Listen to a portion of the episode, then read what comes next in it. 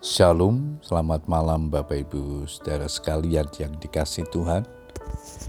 Kita bersyukur kepada Tuhan kembali malam hari ini kita berkesempatan datang kepada Tuhan untuk menaikkan ucapan syukur dan doa-doa kita kepadanya.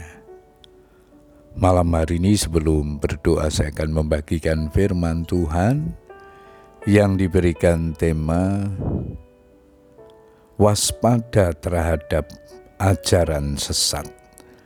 Ayat mas kita di dalam 2 Korintus 11 ayat yang ketiga, firman Tuhan berkata demikian, Tetapi aku, Paulus, takut kalau-kalau pikiran kamu disesatkan dari kesetiaan kamu yang sejati kepada Kristus, sama seperti Hawa diperdayakan oleh ular itu dengan kelicikannya.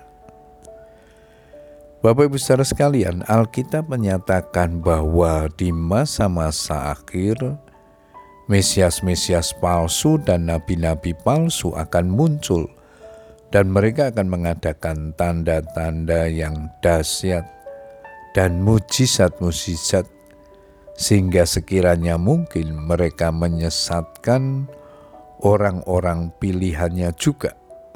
Matius 24 ayat yang ke-24. Inilah pekerjaan iblis yang berusaha dengan segala cara mengelabui dan menghasut banyak orang percaya dengan memunculkan ajaran-ajaran yang menyimpang dari Injil Kristus supaya dalam diri mereka timbul keraguan-raguan dan ketidakpercayaan. Bagi orang percaya yang tidak berakar kuat di dalam Tuhan dan firman-Nya, pasti akan mudah terseret.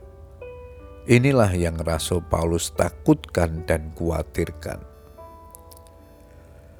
Banyak di antara kita yang hanya diam, tidak bisa bersikap tegas, dan tidak kuasa menolak ketika kedatangan orang-orang yang memberitakan ajaran-ajaran yang bertentangan dengan Injil Kristus. Bahkan ada orang tua yang justru menyarankan anak-anaknya belajar kepada mereka dengan alasan untuk perbandingan. Sebab kamu sabar saja jika ada seorang datang memberitakan Yesus yang lain daripada yang telah kami beritakan atau memberikan kepada kamu roh yang lain daripada yang telah kamu terima atau Injil yang lain daripada yang telah kamu terima. 2 Korintus 11 ayat yang keempat. Berhati-hatilah. Jangan sekali-kali kita kompromi. 1 Yohanes 2 ayat 18 mengingatkan kepada kita, anak-anakku, waktu ini adalah waktu yang terakhir dan seperti yang telah kamu dengar, seorang antikristus akan datang. Sekarang telah bangkit banyak antikristus. Itulah tandanya bahwa waktu ini benar-benar adalah waktu yang terakhir.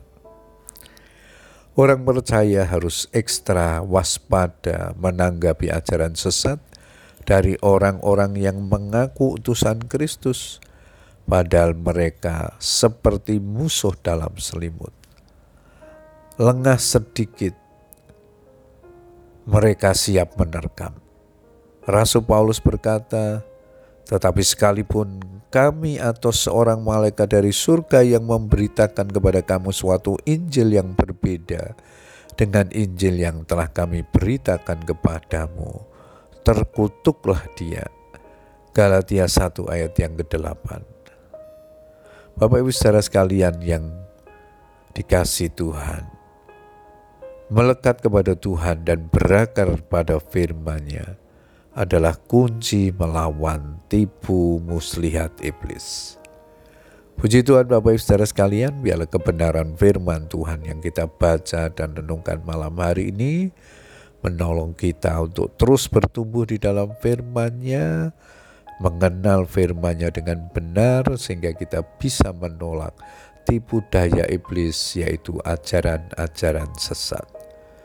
Selamat berdoa dengan keluarga kita. Tuhan Yesus memberkati.